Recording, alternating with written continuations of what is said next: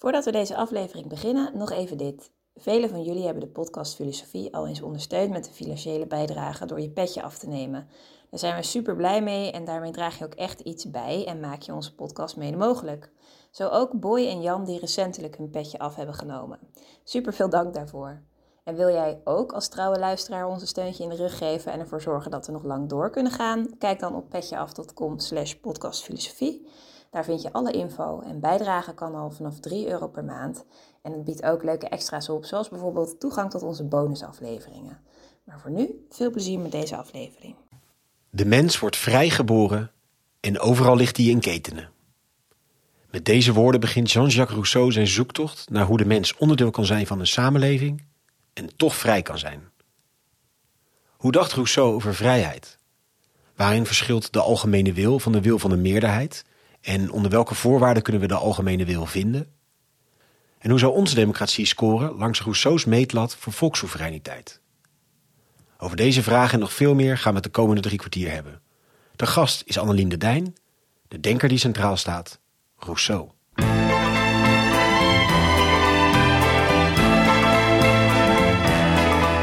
Les où le poids et l'ennui me courbent le dos. Ils arrivent le ventre de fruits. Dag, goed dat je weer luistert naar een nieuwe aflevering van de podcast Filosofie van het Centre Erasme, School voor Filosofie in Zuid-Frankrijk, Vlaanderen en Nederland. Mijn naam is Allard Amelink en het concept van deze podcast is wel bekend. Een hoofdgast, een presentator en een sidekick. En in ongeveer 45 minuten duiken we in het denk van één filosoof. En tegenover mij zit vandaag Judith. Hey Allard, we zijn uh, vandaag aan de keukentafel van Jozef, die er dan niet bij is, in Utrecht. Nee, en, uh, die wel heel vriendelijk zijn huis ter beschikking heeft gesteld. dat is uh, geweldig. En ja. schuin tegenover ons zit Annelien de Dijn. Ze is onze gast van vandaag. Ze is hoogleraar moderne politieke geschiedenis aan de Universiteit Utrecht. En eerder dit jaar publiceerde zij Vrijheid, een woelige geschiedenis. Een overzicht van 2500 jaar denken over vrijheid. Annelien, welkom in de podcast. Hallo. Mooi dat je er bent. En we gaan het vandaag hebben over Jean-Jacques Rousseau. In 1712 geboren in Genève. Een uh, filosoof en schrijver met een grote invloed op literatuur, pedagogiek en politiek. Hij schreef meerdere werken die toch wel uh, als klassiekers kunnen worden beschouwd. Het staatskundige werk Du contrat social au principe de droit politique. En de romans Émile en uh, Julie. Rousseau werkte onder andere mee aan de beroemde encyclopedie van Diderot. En ja, zijn denken heeft er ook echt een invloed gehad op de Franse Revolutie en de eerste verklaring van de rechten van de mens en burger uit 1789. Die laatste twee dingen maakte hij overigens zelf niet mee, want hij uh, overleed in 1778, iets ten noorden van Parijs. En Annelien, vrijheid is een thema waar jij je veel uh, hebt bezig gehouden de afgelopen tijd. Hoe keek Rousseau tegen vrijheid aan? Welke rol speelt dat in zijn denken? Uh, ja, heel goede vraag. Uh, vrijheid was uh, een heel belangrijk begrip voor Rousseau en vooral in zijn sociaal contract. eigenlijk kan je dat sociaal contract lezen als één lange reflectie of één lange poging om de vraag te beantwoorden: hoe kunnen we vrij zijn in een samenleving of als een samenleving? Uh, ervan uitgaan dat de mens een wezen is dat vrije wil heeft. Hè, dus dat, dat, niet, dat mensen geen soort van robots zijn of, uh, of, of uh, wezens die volledig gedetermineerd worden door, hè, door een almachtige God of zo. Dus ervan uitgaan dat de mens een wezen is dat zelf keuzes kan maken, vrije wil heeft. Um, hoe kan je er eigenlijk voor zorgen dat je je samenleving zo inricht dat de mens die vrijheid behoudt ook um, in een context waar, uh, waar hij of zij samenleeft, samen met andere mensen en dus ook collectieve beslissingen moet gaan maken. Hij dus dingen samen moet gaan ondernemen. Hoe kun je ervoor zorgen um, dat je dus uh, in die politieke zin van het woord ook vrij blijft? En, stelt hij die vraag die je nu even zo en passant behandelt... van ervan uitgaande dat mensen inderdaad vrij zijn... stelt hij die vraag ook expliciet of neemt hij dat inderdaad ter kennisgeving aan, zeg maar? Nee, die vraag stelt hij expliciet, um, hoewel je de tekst wel goed moet lezen om dat, dat te zien. Dus he, de beroemde openingszin is... He, mensen zijn overal ter wereld in ketenen, om het een beetje uh, vrij te parafraseren. Hoe kan dat legitiem zijn? Uh, en wat hij daarmee bedoelt is, kijk, kijk rond je. Uh, overal zitten mensen gebakken of zitten die ingesnoerd in politieke verbanden. Hè. Leven mensen in, in gemeenschappen met wetten en regels. hoe kan je ervoor zorgen... Dat, hoe kan je er eigenlijk voor zorgen dat dat dus legitiem is? en zijn antwoord op die vraag is, dat kan, dat kan alleen legitiem zijn als die wetten en regels zo gemaakt worden dat je toch vrij blijft als je die wetten en regels moet, moet, moet navolgen. Um, en um, wat dat wil zeggen is dat. Um, kijk, als wij vandaag over die, op die vraag reflecteren, hebben wij een heel eenvoudig antwoord. Hoe kan je vrij blijven in een samenleving, hè, dus uh, in een context waar er allerlei wetten en regels zijn? Wel, uh, zorg ervoor dat er zo min mogelijke wetten en regels zijn. Hè. Dus door de macht van de staat zo klein mogelijk te maken, dat is de manier waarop we vrij kunnen zijn. Dat is het liberale antwoord op die vraag. Hoe kan je in de politieke zin vrij zijn? Hoe kan je vrij zijn uh, in een samenleving met andere mensen? Uh, maar dat is niet het antwoord van Rousseau. Het antwoord van Rousseau op die vraag is: uh, we kunnen vrij zijn in een samenleving, zolang de wetten en regels die we volgen, dat we die, um, zolang die een uitdrukking zijn um, van de algemene wil, die ook onze wil is. Ja, dat, daar moeten we het even over hebben, inderdaad. Wat, wat, wat, wat betekent dat precies? Wat bedoelt hij daarmee? Ja. Wel, op deze gezicht klinkt dat heel mysterieus. Um, uh, en eigenlijk is het niet zo heel moeilijk om te begrijpen waar Rousseau daar precies mee bedoelt. Uh, want ik vind dat hij het best wel helder uitlegt in het sociaal contract. Maar blijkbaar is dat toch niet voor iedereen zo. Want uh, er bestaan heel veel misverstanden. en gewoon ronduit de verkeerde interpretaties van waar Rousseau daarmee bedoeld zou hebben. Dus er zijn ehm, mensen, er zijn ehm, Rousseau-specialisten zelfs, ehm, die beweren dat waar Rousseau daarmee bedoeld is dat we vrij kunnen zijn zolang de wetten en regels die er zijn, dat die gemaakt worden in het algemeen belang. En, dat dat, uh, en, en, en dat er ook een soort van... En dat dat ook wil zeggen, dus stel dat je een soort van uh, briljante persoon hebt in je samenleving, uh, die enorm uh, slim is en die dus een bijzonder inzicht heeft in het algemeen belang, dat dus, dus dat, die dat als die persoon die wetten en regels maakt, dat je dan vrij zou zijn. Hè. Dus dat is een, een, idee dat we vaak ook associëren met Plato. Het idee van vrijheid is de filosoof-koning um, ja. gehoorzaam. Ja, en dan is eigenlijk dus die, die wetten zijn een soort objectief stelsel ja. wat er kan zijn. En hoe dat geëffectueerd wordt, maakt niet uit, als het maar het juiste stelsel is. Precies, ja, precies. Um, en die interpretatie van Rousseau, die dus Rousseau eigenlijk in hetzelfde hoek geduwd als Plato, Um, uh, die wordt dus vaak naar voren geschoven te zeggen van kijk, Rousseau is een soort van totalitaire denker. Want uh, hij, dus, hij zegt ook ergens, als je dus, zelfs als je gedwongen wordt om die wetten te gehoorzamen die in het algemeen belang zijn, dan ben je nog vrij. En dan, oeh, uh, vreselijk, ik bedoel, dit is duidelijk een soort van... dus, op basis van die uitspraak wordt hij vaak verweten van een voorloper van het totalitarisme te zijn. Um, en ergens begrijp ik wel waar dat vandaan komt, want uh, iemand als Mussolini, uh, dus de ja, allereerste fascist, de grondlegger zou je kunnen zeggen van het fascisme, die, die had Rousseau gelezen en die vond Rousseau een interessante, inspirerende denker blijkbaar, want die, die zei wel dingen zoals ik ben de belichaming van de algemene wil. He, dus Mussolini die zegt soms dingen die doen denken aan Rousseau. Maar als je Rousseau zelf gaat lezen, dan wordt eigenlijk onmiddellijk duidelijk dat dat, dat, dat absoluut niet uh, het idee van Rousseau was. Want Rousseau maakt heel duidelijk dat om te weten wat die algemene wil is, um, dat er uh, een aantal procedures moeten gevolgd worden die wij vandaag democratisch zouden noemen. Rousseau zelf vermijdt dat woord, want dat had een heel negatieve bijklank in de 18e eeuw. Uh, maar ik denk dat het uh, fair is om gewoon te zeggen dat de procedures die hij voorschreef, dat die democratisch waren. Een van de dingen die hij zegt is, kijk, om tot wetten te komen die de algemene wil reflecteren, moet iedereen, moet elk lid van de samenleving een kans krijgen om, uh, ja, om in te stemmen of niet uh, met een bepaald wetsvoorstel dat voor ligt. Dus he, iedereen, elke persoon moet um, één stem hebben. Nee, Iedereen moet, ja, moet, iedereen moet kunnen meedoen. Um, en sterker nog, uh, Rousseau vond dat zo belangrijk dat hij dus ook het idee van uh, politieke vertegenwoordiging afwijst. Want zo creëer je een laagje tussen uh, de, de bevolking, hè, uh, het volk, en, en de mensen die de wetten maken. He, dat, dat, dus die, he, dus ook creëren daar een, een, afstand tussen de wetgever en het volk. En hij vond dat het volk, de bevolking zelf moest de wetgever zijn. Het was heel belangrijk dat uh, wetten uh, direct door het volk werden gestemd of, of afgekeurd. Ja, en niet met als, dus alsnog een soort aristocratisch tussenlaagje wat dan Ja. namens het Ja, volk. Ja, precies. Hè, dus eh, daarom zegt Rousseau eh, ook een van zijn meer bekende uitspraken. Hè, dus dat eh, de Britten dachten dat ze denken dat ze vrij zijn, maar dat zijn ze eigenlijk niet. Ehm, hè, want eh, in de 18e eeuw mochten de Britten ook om de zeven jaar gaan stemmen. En op het moment dat ze konden gaan stemmen eh, voor hun parlementsleden waren ze vrij, maar de, de, de, zes jaar en eh, 364 dagen daarna dus niet meer. Dus dus ehm, hij, wijst dus het idee van politieke eh, vertegenwoordiging af, omdat dat dus ehm, die nexus tussen ehm, ja, elke individuele burger en de wetgevende macht eh, verbreekt.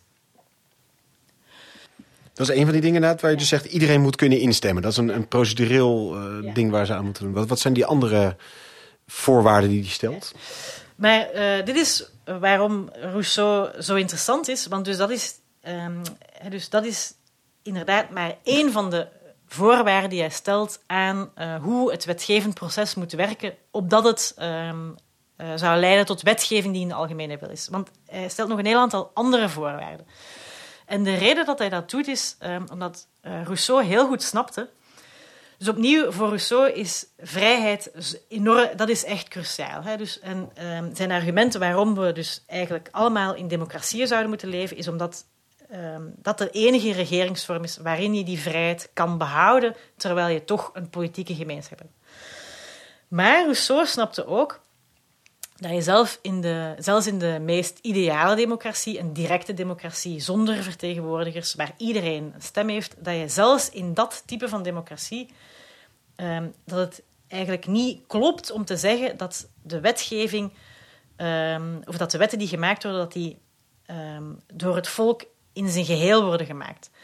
Want, eh, dus, dat was ook zo in, in de weinige voorbeelden van 18e-eeuwse democratieën of eh, pseudodemocratieën die we kennen, ehm, is het bijna nooit zo dat wetten unaniem worden, dat beslissingen unaniem worden genomen. Dus voor de meeste ehm, beslissingen ga je eh, een situatie hebben waarbij dat, er een discussie is, eh, komt er niet uit, oké, wat gaan we dan doen? Oké, iedereen hand omhoog steken, ja of nee. Eh, met andere woorden, de meerderheid gaat de beslissingen nemen. En dat brengt een, een gevaar met zich mee, of een probleem alleszins voor iemand als Rousseau, die opnieuw die vrijheid zo hoog in het vaandel voert. Want je zou kunnen zeggen, ehm, als het argument is, we moeten in een democratie leven, want als iedereen die niet in een democratie leeft, die leeft onder de wil van iemand anders en is dus onvrij, verliest dat meest wezenlijk aspect van ons mens zijn, het feit dat we zelf vrij zijn om onze eigen keuze te maken, Ehm, kun je dat dan ook niet zeggen voor, een situ- voor die democratie, waar oké, die meerderheid wel zijn eigen wil kan volgen, maar de Maar die minderheid, minderheid niet. minderheid opnieuw niet. En dus eh, Rousseau komt hier bij, bij, een probleem uit dat ehm, voor de minderheid alleszins een democratie in potentie even tirannie kan zijn als, ehm, eh, als, een, als een echte dictatuur. En we weten ook uit, we hebben genoeg voorbeelden. Hè. Ondertussen leven we in een wereld waar je behoorlijk veel democratische regimes hebt. En we, en we weten gewoon dat dat, dat dat gevaar een reëel gevaar is, een reëel probleem. Er zijn genoeg voorbeelden te bedenken. eh, Zweden, waar je beruchte ehm, eh, eugenetica, het sterilisatie van mensen die eh, unfit werden gezien. Ehm, je zou kunnen zeggen dat eh, eh, dus er nog in onze eigen samenleving ook voldoende voorbeelden zijn. En bijvoorbeeld hoofddoekjes verboden zou je ook kunnen lezen als een eh, voorbeeld van tirannie van de meerderheid. Dus er zijn genoeg voorbeelden te bedenken eh, om te denken, ja, het is goed dat Rousseau dat probleem serieus neemt, want het is een, inderdaad reëel probleem, Het is een ja. reëel probleem. Ehm, maar het interessante aan Rousseau is dat hij niet alleen dat probleem identificeert, maar er ook een, een oplossing probeert voor te bedenken. En die oplossing is, ehm, het is niet voldoende, het is een noodzakelijke voorwaarde, maar het is geen voldoende voorwaarde om wetten te maken die beantwoorden, die conform zijn aan de algemene wil, ehm, om iedereen hè, te laten meestemmen. Er moeten ook een aantal andere dingen gebeuren. En grofweg gezien zijn die andere voorwaarden eh, de bevolking moet voldoende geïnformeerd zijn over een bepaald onderwerp. Hè. Dus je mag niet uh, vragen, moeten we um, uit uh, kernenergie stappen of niet, zonder, mensen een, zonder een campagne te doen waar je mensen informeert over de voor- en nadeel daarvan. Want dat is een thema waarvan we niet kunnen verwachten dat mensen dat daar voldoende parate ja. kennis over hebben. Oké, okay, dat zal in de 18e eeuw minder gespeeld hebben, maar die, die hadden weer andere problemen. He, dus mensen moeten voldoende geïnformeerd worden. Um, je mag uh, elkaar niet beïnvloeden. Dus uh, je mag geen, Rousseau noemt dat facties, je mag geen groeperingen hebben die elkaar proberen te beïnvloeden en die bijvoorbeeld ook koehandel met elkaar gaan drijven. Die gaan zeggen, kijk, um, kernenergie of niet vind ik niet zo'n interessant onderwerp, maar ik heb heel sterke gevoelens over hoofddoekjes, dus ik zal nu stemmen uh, samen jou uh, tegen uitstappen, voor uh, uitstappen van kernenergie, als jij dan daarna stemt met mij voor een verbod op hoofddoekjes. Dus dat mag ook niet. Je mag geen onderhandelingen gaan doen en je mag niet proberen groepjes te creëren die dan andere groepjes gaan beïnvloeden. Iedereen moet als individu deelnemen aan, aan het beslissingsmakingsproces. Um, en um, een laatste voorwaarde, en daar zou ik wel echt de nadruk op willen leggen, want hoewel die heel moeilijk te concretiseren is, is die denk ik extreem belangrijk voor Rousseau. En die laatste voorwaarde is, op het moment dat je deelneemt aan zo'n beslissingsmakingsproces, moet je proberen om je eigen uh, belangen, um, om daar abstractie van te maken, en je moet proberen om echt een beslissing te maken in het algemeen belang. Dus dat wil zeggen, stel je woont in een dorp waar uh, ze van plan zijn om windmolens te gaan zetten. Um, en er is maar één locatie in Nederland waar, zo, waar, voldoende plaats is om dat te doen. Um, mag je niet denken, ja, maar ik zit dan vlak onder zo'n windmolen en de waarde van mijn huis gaat daar te veel naar beneden gaan. Uh, dus ik ga daar tegen stemmen. Dat mag niet. Dat is niet ethisch. Dat is zelfs niet, dat is niet alleen niet ethisch. Volgens Rousseau is dat niet democratisch. Want je gaat hier je eigen belang voor, voorop stellen boven het algemeen belang. Dus dat is ook iets dat je absoluut niet mag doen volgens Rousseau. En pas als aan al die voorwaarden is voldaan, hè, dus iedereen mag meestemmen. Um, mensen moeten voldoende geïnformeerd zijn. Uh, je, mag geen, uh, je, mag geen facties creëren, je mag geen koehandel gaan drijven. En je moet proberen om, als je deelneemt aan het beslissingsmakingsproces, om echt te denken aan het algemene belang en niet al aan je eigen belang. Alleen als aan al die voorwaarden voldaan is, gaat een beslissing echt democratisch zijn. En gaat die dus ervoor zorgen dat de wet echt het algemeen belang reflecteert en niet gewoon de wil van de meerderheid. Ja. En kan je dan, als je tot die minderheid behoort, uh, stel even in deze zeer ideale situatie dat dit allemaal gelukt is, kan je je dan hier wel aan, aan onderwerpen, zeg maar, als je tot die minderheid behoort, volgens Rousseau? Wel, um, en opnieuw, dit is dus waarom dat, uh, sommige mensen zo'n hevige reactie hebben op Rousseau. Rousseau is daar heel uh, categoriek in. Hij zegt, kijk, um, als, je, als al, al die voorwaarden is voldaan, en je bent als minderheid nog niet tevreden, dan moet jij gewoon accepteren als minderheid dat je het fout hebt. He, dus dus dan moet je accepteren dat, uh, dat, dat jij het fout hebt en dat dus de beslissing die genomen is, dat die, dat die echt in het algemeen belang is. En dat je daaraan onderwerpen geen inbreuk is op je vrijheid. Dus uh, om het weer wat naar vandaag te trekken misschien... Uh, stel dat jij heel erg uh, tegen... hoe heet die coronapas nu alweer? Ja... De coronapas. Pas sanitair ja. wil ik altijd okay. zeggen. Ging dus ook niet op plassen. Stel dat jij heel sterk gevoel hebt over die coronapas, maar hè, dus, uh, er is een democratische beslissing genomen. Vanaf nu gaan we die coronapas altijd tonen als we de horeca binnengaan. Um, en, en die beslissing is genomen volgens al de eh, voorwaarden die Rousseau daaraan stelt. Iedereen mocht meestemmen, jij dus ook. Um, mensen hebben gedacht aan het algemeen belang en niet alleen aan hun eigen belang. Uh, mensen waren voldoende geïnformeerd, er is geen koe. Dus als aan die voorwaarden voldaan is, dan mag jij eigenlijk, dan mag je zelfs niet verontwaardigd zijn dat je wordt gedwongen om je coronapas te laten zien, want je hebt het gewoon fout.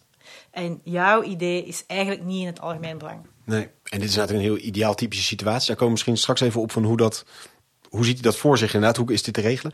Eén vraag is, je noemt nu toch telkens een paar keer net, hè, dat is de, dan is het een goede democratische beslissing. Gebruikt hij dan toch die terminologie of vermijdt hij het en gebruikt hij telkens een andere term ervoor? Omdat je zegt, nou, democratie was wel een beetje een besmette term in zijn tijd. Ja, precies. Uh, nu, dus daarom heeft Rousseau een voorkeur voor een andere term, namelijk volkssoevereiniteit. Ja, ja. Dus daarover heeft hij het. Ja, eigenlijk is dat woord ervoor. En als we misschien een beetje deze punten langslopen, want ik zit bij die ehm, eh, iedereen mag meedoen. Daar zit misschien al wel een haakje dat uh, bijvoorbeeld natuurlijk met uh, slavernij en die verklaring voor de rechten van de mensen. Zo, weet je, dat was allemaal plotseling toch wat dubieuzer dan. Dat ging dat toch plotseling niet over alle mensen in alle gevallen. hoe zat het hier bij Rousseau? Ziet hij dan dat iedereen mag meestemmen? Gaat dat echt over iedereen die wij kunnen bedenken? Of was dat toch nog wel weer een geselecteerde groep die daar recht op had, zeg maar? ja, geweldige vraag. ja, dus hier wordt het weer interessant, want uh, dus de terminologie die Rousseau gebruikt is heel inclusief. Hè? Dus uh, oké, hij zegt natuurlijk uh, lui en, uh, en il en zo. Hè? Ehm, dus hij heeft het over hij, maar het is heel duidelijk dat dit hij is in de zin van de mens. Maar als je dan ehm, wat verder leest, dan zonder het daar eigenlijk zelfs over te hebben. Dus hij vindt het niet eens nodig om dit expliciet te vermelden, omdat hij het zo vanzelfsprekend vindt dat vrouwen dus niet meedoen in zijn ideale gemeenschap. Uh, over slaven uh, had hij het eigenlijk niet. En ik denk ook dat dat in uh, de context van het sociaal contract um, gewoon geen issue was, want dat is misschien wel belangrijk om even te vermelden. Um, de reden dat Rousseau een soort van programmatische tekst schrijft over hoe je een ideale democratie moet creëren, is niet omdat hij zo vooruitziend was dat hij snapte dat de Franse revolutie zou gebeuren en dat we uiteindelijk allemaal in democratische staten zouden gaan leven. Helemaal niet. Uh, Rousseau dacht zelfs dat democratie uh, een soort type staat was dat zo moeilijk was om uh, te creëren dat dat alleen maar voor heel ja, typische en, en beperkt aantal gemeenschappen geschikt was. Maar de reden dat hij het toch nodig vond om daar een politiek traktaat over te schrijven, is omdat hij um, geen Fransman was, maar een Zwitser. En hij kwam dus oorspronkelijk uit Genève. En Genève was uh, een van de weinige uh, staten in de 18e eeuw. Uh, ja, je kan het geen democratie noemen, maar het was wel geen erfelijke monarchie. Hè, dus het was wat men in die tijd noemde een republiek. Um, en in die republiek was een klein groepje mensen aan de macht. Um, en die hadden in de loop der eeuwen die macht altijd maar meer en meer naar zich toe getrokken. Dus die republiek was geoligarchiseerd. En Rousseau behoorde eigenlijk tot een groep in die republiek uh, van relatief arme burgers. Uh, dus zijn vader was een, uh, was een ambachtsman die meer inspraak, die meer politieke inspraak waarde. En het sociaal contract moet je lezen als een uh, waarin hij uitlegt waarom dat dus nodig is om dus die inspraak, um, waar, om, dus het regime van uh, te, te, te, democratiseren. Dus dat is waar die tekst vandaan komt. Ja, en dus speelt dat hele slavernijthema minder mee, ja. omdat dat in Zwitserland minder speelde? Of hoe bedoel je dat? Wel, uh, op Europees grondgebied. Ja. Europeanen waren natuurlijk uh, intensief betrokken bij de slavenhandel en uh, waren ook hadden grote hadden kolonies waar, ja, waar slaven, ja, ook Nederland, dat weten we allemaal. En ook Frankrijk trouwens. het Frankrijk van de 18e eeuw had een van de grootste slavenkolonies en de meest productieve slavenkolonies um, van heel Europa, namelijk Saint-Domingue. Maar dat speelt zich allemaal af buiten de Europese grans, landsgrenzen, zal ik maar zeggen. Ja, en niet die biotoop waar, waar Rousseau zich op richt. Ja, ja precies. Ja, nee, vandaar, ja. Hey, en vrouwen zeg je inderdaad, en, en je zegt zonder het te noemen, gaat hij daar eigenlijk gewoon een beetje zo aan voorbij. Ja, uiteraard doen vrouwen daar zeg maar niet aan mee. Wat, wat heeft hij daar wel elders munitie voor geleverd van waarom hij dat Waarom dat dacht, zo uiteraard of... was voor hem. Ja, ja, ja, uh, ja daar heeft hij... Uh, we weten uit zijn andere geschriften, bijvoorbeeld uit zijn romans, dat hij uh, uh, een heel uh, essentialistisch idee had van de verschillen tussen mannen en vrouwen. Dus voor hem waren vrouwen gewoon totaal anders type van wezens dan mannen. Um, en heel, um, ja, heel eenvoudig gezegd was het grote verschil dat mannen redelijke wezens waren, wat eigenlijk, eigenlijk grappig is als je dus Rousseau een beetje kent, want heel redelijk was hij vaak niet. Of hij was vaak, hij was vaak niet zo heel redelijk. Um, en vrouwen waren wezens die eigenlijk geregeerd werden door hun passies. En hun voornaamste passie was zij, dat vrouwen heel zorgend waren. En dus, he, dus vrouwen waren eigenlijk wezens die voor Rousseau vooral er waren om dus kinderen te maken, uh, te baren en, en, en zich daar dan uh, mee bezig te houden. Um, uh, maar dus in zijn ogen waren dat dus wezens die, voor, ja, die zeker niet in staat waren om complexe beslissingen te nemen of na te denken over dingen die het huiselijke overstegen. En dat is interessant, omdat... ehm, eh, kijk, ehm, opnieuw, voor ons is Rousseau zijn verhaal over democratie eigenlijk redelijk toegankelijk en daarom blijft hij ook veel gelezen en blijft hij ook interessant. Ehm, omdat wij die ideeën nu, eh, nu omdat zijn ideeën over ja, het belang van politieke gelijkheid en dergelijke, dat die nu breed gedeeld worden. Maar in de 18e eeuw waren die ideeën echt heel revolutionair en, en nieuw en anders. Ehm, eh, en eh, Rousseau kon dit soort eh, dingen bedenken, niet alleen omwille van die Geneefse context, maar ook omdat hij ingebed zat in die verlichtingscultuur. En het, een van de nieuwe dingen van die verlichtingscultuur was dus een, een nieuwe appreciatie voor het idee dat dus eh, mensen van nature gelijk zijn. En dat heel veel verschillen die we zien in een maatschappij, bijvoorbeeld verschillen tussen rijk en arm, of verschillen tussen edellieden en, en burgers, dat die dus conventioneel zijn en daarom ehm, niet belangrijk en, en dus ook ehm, eh, eh, ja, en dat je die dus ook moest verwerpen. En dat is een van de dingen die Rousseau doet door te pleiten voor, die, voor democratisering. Eh, hij, dus, hij wijst die hele standenmaatschappij, die hiërarchische, die hiërarchische eh, ideeën die, die nog heel wijd verbreid waren in 18 hij wijst die af. Maar bedoel je dan dat dat idee van eh, dat conventionele, daar moeten van af, dat gold in zijn denken dus niet voor vrouwen, omdat hij dat verschil echt anders zag tussen vrouwen en mannen? Ja, precies. Dus het, het interessante aan iemand als Rousseau is dat hij heel goed zag ehm, dat bijvoorbeeld eh, de verschillen tussen edellieden en burgers, dat dat dus ehm, ja, kwatsch was. En opnieuw, voor ons is dat zo vanzelfsprekend, maar dat was echt niet zo in die tijd. Je had zelfs een bepaalde ehm, eh, stroming in de Franse eh, eh, politieke cultuur, die dus dacht dat er raciale verschillen waren tussen edellieden en gewone mensen. Ehm, de figuur die, die daarover schreef was iemand die heet Henri de Boulainvilliers. Dat was een, zelf iemand van adel. En dat is een van de eerste denkers die het had, die dus een, een rassentheorie had, maar die had die rassentheorie niet ontwikkeld om dus te zeggen dat zwarte minderwaardig waren dan blanken. Nee, Hoewel dat, dat- ook absoluut, ja, hè, daar, verlichtingsdenkers daar ook eh bijdrage toe hebben geleverd. Maar Het hij was- gepeupel. Het Ja, de hij was- der... ja. hij was ervan overtuigd dat de edellieden afstammelingen waren van de Franken. En de rest van de bevolking waren volgens hem afstanden van de Galliërs. En dat waren dus minderwaardig ras. eh, ja. Maar dus, om maar te zeggen, hè, dus, eh, die, die, die standaardmaatschappij, had, daar, een, daar zat een hele intellectuele cultuur rond eh, om die te legitimeren, waar Rousseau mee bereikt. Maar eh, hoewel hij dus dat wel ziet van dat is gewoon onzin, ziet hij niet dat die verschillen tussen mannen en vrouwen, dat die ook voor een heel groot deel conventioneel zijn. Daar was hij helemaal blind voor. Net zoals trouwens heel veel andere verlichtingsdenkers die, die het altijd maar hadden over de natuurlijke gelijkheid van alle mensen. En je zegt dat dat kwam deels voort vanuit zijn eh, oriëntatie vanuit de natuur. En dat hij daarom zegt, ja, in zijn ordening of zoiets is de man anders dan die vrouw. Eh, welke rol speelt die natuur überhaupt in zijn denken? Eh, is hij heel erg in die zin ge- georiënteerd ook op naar de, de, de natuurlijke omgeving? Dat hij daar vanuit redeneert? Of is het wel iets theoretischer denker, zoals het over dit, al dit politieke denken? Ehm, wel, hij probeert wel echt ehm, voor te gaan op, dus, op bijvoorbeeld Rousseau en met hem heel veel andere verlichtingsdenkers was heel geïnteresseerd in reisverhalen. Hè, dus, en vooral dan reisverhalen over zogenaamd primitieve volkeren. eh, dus je had, ehm, dat begint natuurlijk eh, vanaf de ontdekking van eh, Amerika door Columbus. Maar dat gaat heel de 17e en 18e eeuw door. Ehm, dus dat ontdekkingsreizigers contact maken met bijvoorbeeld indianenstammen in, in, in wat nu de Verenigde Staten zijn, of in Canada. En daar dan ja, etnografische beschrijvingen over neerschrijven. En, en dat soort dingen verslonden die verlichtingsdenker. Die waren echt enorm geïnteresseerd. Want volgens hen was dat dus, waren dat dus, ehm, was dat dus een manier om beter te begrijpen hoe de mens in elkaar zat, los van alle conventionele Ehm, eh, dus eh, van, van de conventies van het 18e-eeuwse Europa.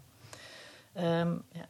En de reden dat ze daar, eh, denk ik, bij uitkwamen, bij die natuur als maatstaf voor, eigenlijk als normatieve maat- maatstaf, hè, want dat is natuurlijk wat er gebeurt. Je gaat je afvragen, en dat doen wij trouwens vandaag nog altijd, dus in die zin zijn wij echt in, in, in heel belangrijke mate kinderen van de verlichting, dat wij dus denken, is dit natuurlijk, eh, dan is het goed. Hè?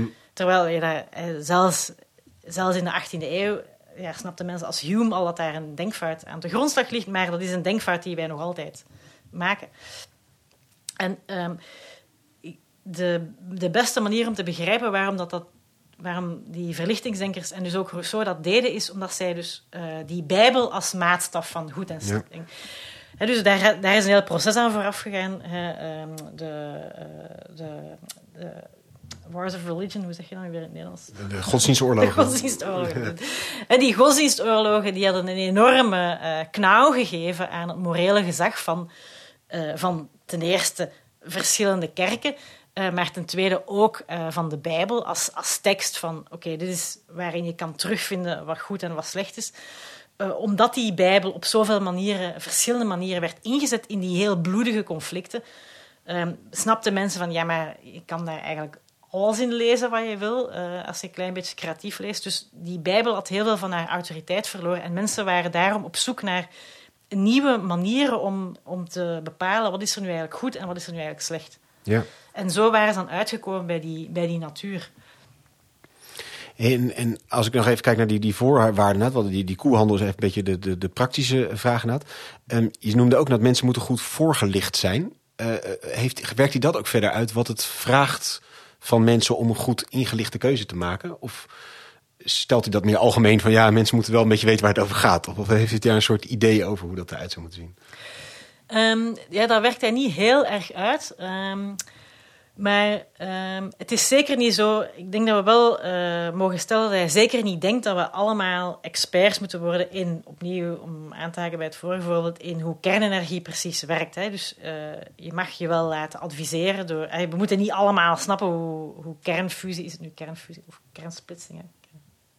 Je moet, we moeten niet begrijpen, zoiets als dat weten we niet. Nee, precies. Dus, Zouden we exter, externe expertise voor moeten invliegen. Maar, maar, dat is niet zo heel erg. Hè. Je, moet niet, je moet het onderwerp niet ten gronde uh, bevatten. Uh, maar je moet wel, je moet wel er, vol, ja, je moet er iets van weten.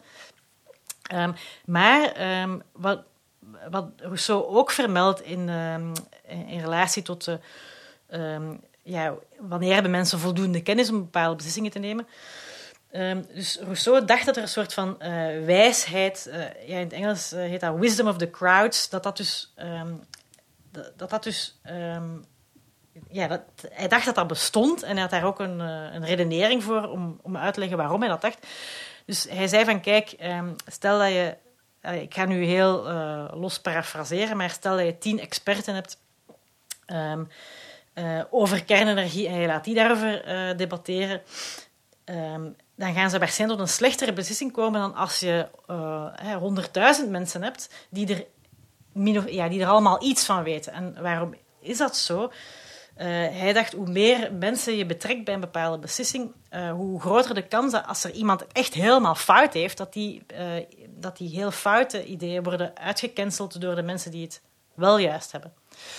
Um, en dat, uh, dat idee heeft, is later mathematisch uitgewerkt door iemand die heet Marquis de Condorcet. Um, en dat heet opnieuw in het Engels uh, de Jury Theorem. Um, en dat is dus... Uh, ja, dat wordt vaak aangehaald als een soort van wiskundige ondersteuning voor waarom het eigenlijk beter is om beslissingen niet over te laten aan een klein groepje van experts, maar om er zoveel mogelijk mensen bij te betrekken. Uh, en uh, Condorcet laat opnieuw weer heel korte bocht uh, zien dat als dus de expertise van mensen 0,5 is en je betrekt pakweg 40.000 mensen bij een beslissing, dat de uitkomst met een zekerheid van bijna 100% juist zal zijn. ja, ik wil, we hoeven daar nu niet Ja, en terwijl als een paar experts die allemaal 50-50, dan ja, kom je op je slecht uit. Ja, ja, precies. precies. Ja, nou, en, en was dat ook iets wat hij nieuw poneerde, Rousseau, zeg maar? Was hij daarin ook, uh, zoals je dat bij het andere punt ook noemde, tegen zijn tijdsgeest in? Was dit ook een nieuw idee dat Wisdom of the Crowd inzette? Ja, dat was uh, uh, zeker heel vernieuwend, want dus een van de historisch belangrijkste argumenten tegen democratie die je vandaag trouwens ook nog altijd hoort, is dus dat gewone mensen te dom zijn om deel te nemen aan politiek, om politieke beslissingen te nemen en dat je dus dat soort dingen beter kan overlaten aan de mensen die ervoor gestudeerd hebben, aan de experts, aan de technocraten of hoe je het ook wil noemen. Um, en Rousseau was een van de eerste denkers die daar niet alleen het niet mee eens was, maar die ook expliciet probeerde te beargumenteren waarom hij dus dat idee van uh, je moet naar de experts luisteren, waarom hij dat een slecht idee vond. Helder. En, um, dan hebben we er nog één. Ja, precies. En dan moest ik even terugdenken aan die Bijbel. Uh, dit was dan de, de, de, de externe autoriteit waarop je kan beroepen van wat moreel goed en fout is. Je hebt dan dat iedereen moet handelen of dan zijn stemgedrag aanpassen vanuit het algemeen belang.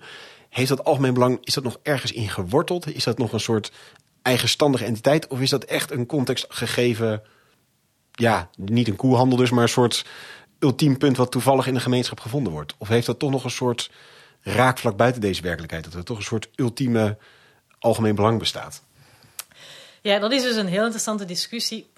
dus is Rousseau iemand denkt, die denkt dat, er, uh, dat dat algemeen belang beantwoordt een bepaald soort van morele maatstaf Ehm, eh, of uh, ja, stel dat het in het algemeen belang zou zijn om, om je buurland ehm, ja, dus, uh, onder de voeten lopen en, en, en, ja, en militair te veroveren. Is dat dan, um, ja, ja, is dat dan oké volgens Rousseau? En ja, ik ben eerlijk gezegd geneigd om te denken dat het tweede dus waar is. dus dat, dat Rousseau uh, elk idee van, um, van een absolute morele maatstaf afwijst en dat het er hem meer over gaat. Uh, dus dat die, dat die beslissing juist is als die echt in het belang van ieder individu is van die gemeenschap. Maar dat is dus wel cruciaal, want opnieuw, dus het zou volgens Rousseau, in, in de theorie van Rousseau, zou, het evident nooit kunnen gebeuren dat je een regime hebt dat zegt van... Uh, uh, ja, ik heb... Uh, ik, ik ehm, lid van de meerderheid, heb altijd een hekel gehad aan mensen met ehm, ros haar. Dus laten we vanaf nu alle rosharige mensen uit onze gemeenschap verjagen of extra zwaar belasten of zo. Ja, dat zou niet kunnen, want dat is evident niet in het belang van die, van die groep mensen. Dus als het gaat over de, wat er buiten de grenzen van de gemeenschap afspeelt, um, Hè, dus dan, dan, ja, dan zie je dat, dan, dan denk ik dat, je, dat, er, dat die theorie van Rousseau veel ruimte laat voor niet-ethische beslissingen. Maar zolang we binnen die gemeenschap blijven, um, ja, denk ik dat op basis van zijn theorie dat je eigenlijk niet dat je toch niet dingen kan legitimeren die, ja, die, moreel, die wij moreel, of ja, die moreel verwerpelijk, ik zal maar zeggen, zijn. Ja. ja, en dat is natuurlijk, ja, dat blijft wel interessant dan. Die dus ja, je zou inderdaad dan theorie als gesloten gemeenschap dus wel naar een andere gemeenschap kunnen overheersen, omdat het wel in het belang is van je eigen individuele gemeenschap. Wel, ik, het is evident als je dus, uh, ja, of, ja je, kan denk ik, ja, je kan inderdaad wel, uh, ik, ik, denk dat je wel zou kunnen zeggen dat er manieren zijn om te bedenken waarom dat uh, inderdaad een zeer onethisch gedrag van, eh, van een bepaalde gemeenschap ja, zoals wij ons eigenlijk gedragen. Hè? Dus uh, Fortress Europe, uh, overal muren omheen zetten. Dat doen we natuurlijk niet omdat wij zoveel rekening houden met de belangen van, uh, van mensen die in oorlogsgebieden wonen en die niet rondom ons. Maar ik denk dat dat op basis van Rousseau's theorie niet noodzakelijk iets is dat je zou moeten afwijzen. Terwijl, hè, dus in die zin is het geen ethische theorie, maar wel een politieke theorie.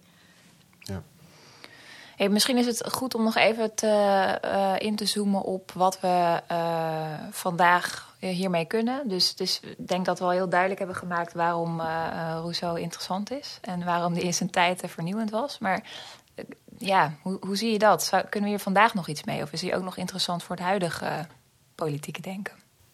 Wel, ik, ik vind Rousseau om twee redenen heel interessant ook vandaag nog. Uh, ten eerste is die vrijheidstheorie. Uh, dat heb ik in het begin al even kort aangestipt. Dus de manier van uh, denken van Rousseau over vrijheid is helemaal anders van hoe wij vandaag meestal, de meesten onder ons, denken over vrijheid. Namelijk, vrijheid is zo weinig mogelijk regeltjes. dat idee wijst Rousseau radicaal af. vrijheid is niet zo weinig mogelijk regeltjes, maar leven onder regels die je zelf meehelpt helpen mogen maken. Um, en ik denk dat in het coronadebat onmiddellijk duidelijk wordt dat je dan, hè, dat uh, Willem Engels en zo uh, ja, geen, geen, ja, geen recht van, van spreken, of toch alleszins niet een manier, ja, volgens zo dan toch het begrip vrijheid op een oneigenlijke manier inzetten. Dus dat is één ding dat ik interessant vind aan Rousseau. En een tweede element dat ik interessant vind in Rousseau is dus Rousseau als theoreticus van de democratie.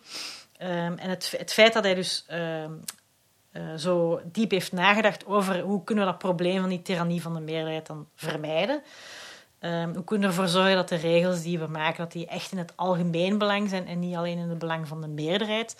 En wat ik daar vooral interessante toevoeging vind, is, uh, zijn zijn ideeën over...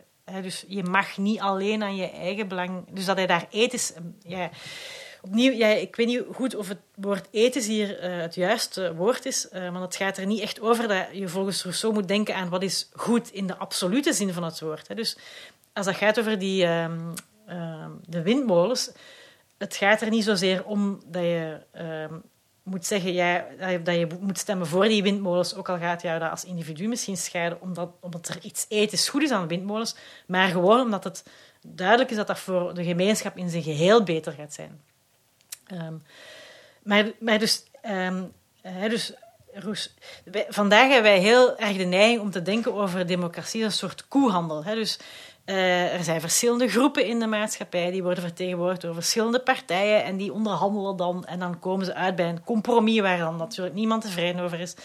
En dat is een idee dat totaal niet past bij Rousseau zijn visie van democratie. In Rousseau's visie um, ja, moeten we niet ernaar streven om een soort van halfbakken compromis te creëren, maar moeten we streven naar uh, het doen wat echt voor iedereen het beste is, als collectiviteit. Op elk thema. Op elk thema, ja. Ja. En dat veronderstelt natuurlijk dat, uh, dat we over elk thema zoiets kunnen bereiken. Um, en, en, daar kan je over debatteren. Maar ik denk dat wij uh, te veel de neiging hebben om te denken dat dat niet kan. En ik denk dat er heel veel thema's zijn waarop dat dus wel mogelijk is om tot beslissingen te komen die, uh, die reflecteren wat in het belang van iedereen is en niet alleen van en niet alleen een soort van, hè, soort van ongemakkelijk compromis. En er zijn ook natuurlijk wel van die democratische experimenten op. En daar niet de raw opinion wordt gevraagd, maar een educated opinion. Dus waar eigenlijk aan dat kenniselement wordt geappelleerd en waaraan uh, dan mensen wordt gevraagd om met elkaar een beslissing te nemen voor de hele groep. Ja. En ja. te streven naar consensus. Dus dat nou, iets die, wat is het, deliberatievere democratische vorm misschien. Iets meer dan waar uh, Rousseau in ieder geval zich dus tegen afzette van het, uh, het aristocratische tussenlaagje waar, waar toch een knip in komt. hey, dankjewel Annelien. Heel interessant verhaal over Rousseau. buitengewoon actueel inderdaad ook. En ook echt een soort grondlegger voor het hele grote verhaal. We begonnen met uh, ja, het thema vrijheid, omdat het natuurlijk ook uh, jou de laatste jaren veel heeft bezighouden.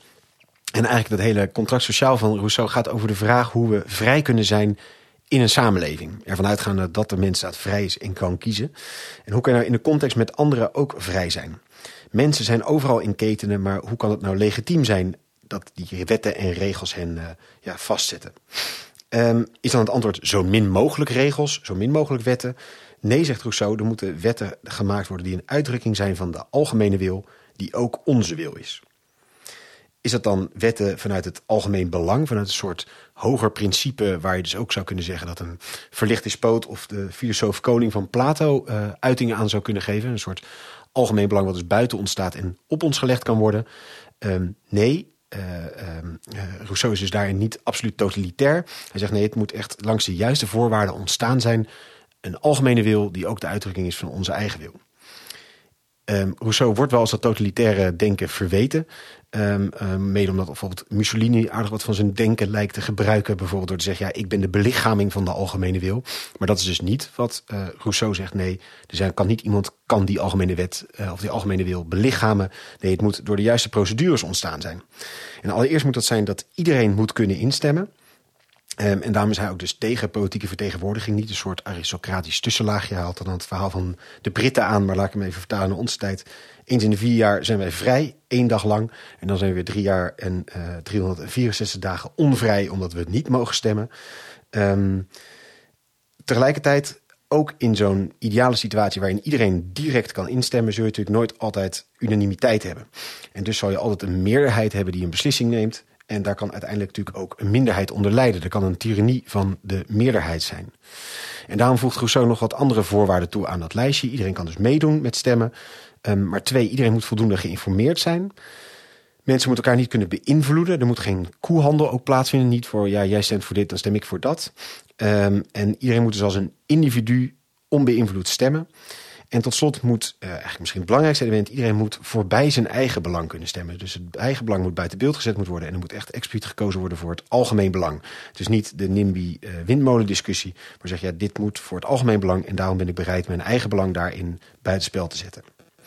Uh, Rousseau zegt, kijk, als je daar dan aan voldoet en uh, als je dan dus toch een beslissing krijgt waar jij het niet mee eens bent, ja, dan moet je je ook gewoon daar maar slikken.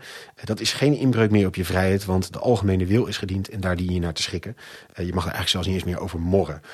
Um, vandaar weer af en toe dat verwijt van totalitair denken. Maar goed, dat is allemaal wel rekening houdend met deze voorwaarden die we net genoemd hebben. Um, Rousseau noemt dat dan allemaal niet democratie, maar volkssoevereiniteit. Democratie is een, uh, een scheldwoord een beetje in zijn tijd, volkssoevereiniteit. Um, en hij geeft zelf aan, dit is lastig te realiseren. En hij ziet het ideaal, in een ideaaltype situatie nog gebeuren in kleine gemeenschappen, maar dat is een beetje het maximaal haalbare. Kijken we dan naar al die verschillende voorwaarden die hij noemt, dan zegt hij allereerst dus ja, iedereen kan meedoen. Nou ja, dat geldt in zekere zin wel, want hij is heel erg onconventioneel in de zin dat hij zegt: Ik ben tegen hiërarchische samenlevingen. Waarom is er, is geen enkele aanleiding om te denken dat de adel meer is dan een normale burger? Um, en tegelijkertijd uh, neemt hij wel het thema slaven niet echt mee. Dat komt ook wel omdat hij vooral reageert op zijn eigen lokale situatie van Genève. Uh, en daar toch vooral ziet hoe die lokale democratie of de lokale republiek daar perverteerd is tot toch een soort oligarchie. Um, dus daarom dat het ja, slavernij een beetje buiten zijn scope valt daarin en dat niet meeneemt. En ten tweede vallen ook vrouwen echt buiten die scope. Uh, omdat hij toch weer vanuit de natuur denkt en dan zegt ja, vrouwen zijn radicaal anders. De man is redelijk, de vrouw heeft passies en is vooral zorgend. Kortom, ja, de vrouw is toch minder geschikt om dan aan die algemene wil bij te dragen en daar de beslissingen te nemen. Kortom, hij was radicaal in zijn denken op het uh, omarmen uh, van uh, gelijkheid. Maar goed, blijkbaar wel dus met bepaalde grenzen. Die rol van natuur is sowieso wel een ding in zijn, zijn denken. En dat zie je wel bij meer denkers uit die tijd. Um, reisverhalen, etnografische beschrijvingen van nieuw ontdekte volken doen het goed. Omdat daar toch ook een beetje een soort poging in zit om de natuur buiten de conventie te kennen. Dus niet de stelsels die we hebben ja, als een, als een uh, uh, uitgangspunt te nemen. Maar juist kijken hoe kunnen samenlevingen die niet onze kaders hebben, hoe leven die? Wat kunnen we daaruit leren? Is iets natuurlijk of is iets niet natuurlijk? En dat vooral ook omdat toch door de godsdienstoorlogen die Bijbel als ultieme referentie eruit gegaan is. Dus het is eigenlijk een soort poging om de natuur als een soort nieuw ultiem gegeven te hebben. Dan over dat punt van dat voorlichting is een tweede voorwaarde. Um, hij zegt daar inderdaad, ja, pleit hij eigenlijk voor die wisdom of the crowd. Het idee dat uh, uiteindelijk 10.000 mensen, 100.000 mensen meer weten dan 100 experts. Um, hoe meer wijsheid je mensen bij elkaar zet, hoe slimmer de beslissing uiteindelijk wordt.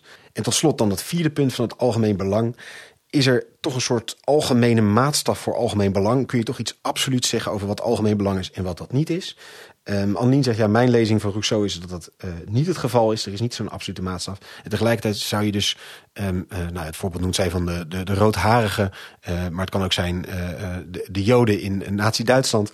Ehm, het zeggen van, ja, binnen deze gemeenschap zit een groep die we eruit moeten werken. Dat kan dus nooit een uitdrukking van het algemeen belang zijn. Want in het algemeen belang zitten ook die minderheidsgroep besloten. En die kunnen natuurlijk nooit uit zijn op hun eigen vernietiging. Kijk je dan tegelijkertijd in de relatie tussen één gemeenschap en een andere gemeenschap, dan zit daar minder zo'n grens in, dat denken van Rousseau. Uh, en is het minder uh, een streven naar een soort algehele wereldvrede. Uh, dus dat is misschien een beetje een, een, een knellend punt aan zijn denken. we hebben de vertaalslag naar het heden gemaakt, waarin we zien dat eigenlijk denk, vooral dat koehandelpunt toch wel heel belangrijk is. Denken in het algemeen belang nou niet echt altijd een ding is wat heel algemeen toegepast wordt. Dat het denken in slimme keuze wordt. Een voorgelichte keuze maken niet echt heel vaak gebeurt. Uh, wel in hoge mate mogen mensen meestemmen. Dat is het enige positieve. Maar ook daar is zo niet voor. Namelijk, namelijk om natuurlijk wel stemmen op de verkiezingen om een tussenlaag te besluiten die dan het algemeen uh, uh, belang moet dienen. Kortom, uh, we scoren in dat opzicht niet zo goed op de volkssoevereiniteitsladder van Rousseau. Maar volgens mij voldoende inspiratie opgedaan in deze podcast om te kijken hoe dat eventueel anders zou kunnen in, in de toekomst. Heel hartelijk dank Annelien voor je interessante verhaal. Graag gedaan. Dankjewel Judith. En jij natuurlijk heel hartelijk dank voor het luisteren. Hopelijk vond je het weer een boeiende podcast. Deel hem vooral met andere mensen waarvan je denkt dat die het interessant vinden. Deel het ook op social media als je dat hebt. Dat waarderen we ook zeer. En laat ook even een review achter. Mocht dat lukken, dan uh, kunnen mensen ons beter vinden. En graag weer tot een volgende aflevering. Emmenez-moi au. Emmenez-moi au pays des merveilles. Il me semble que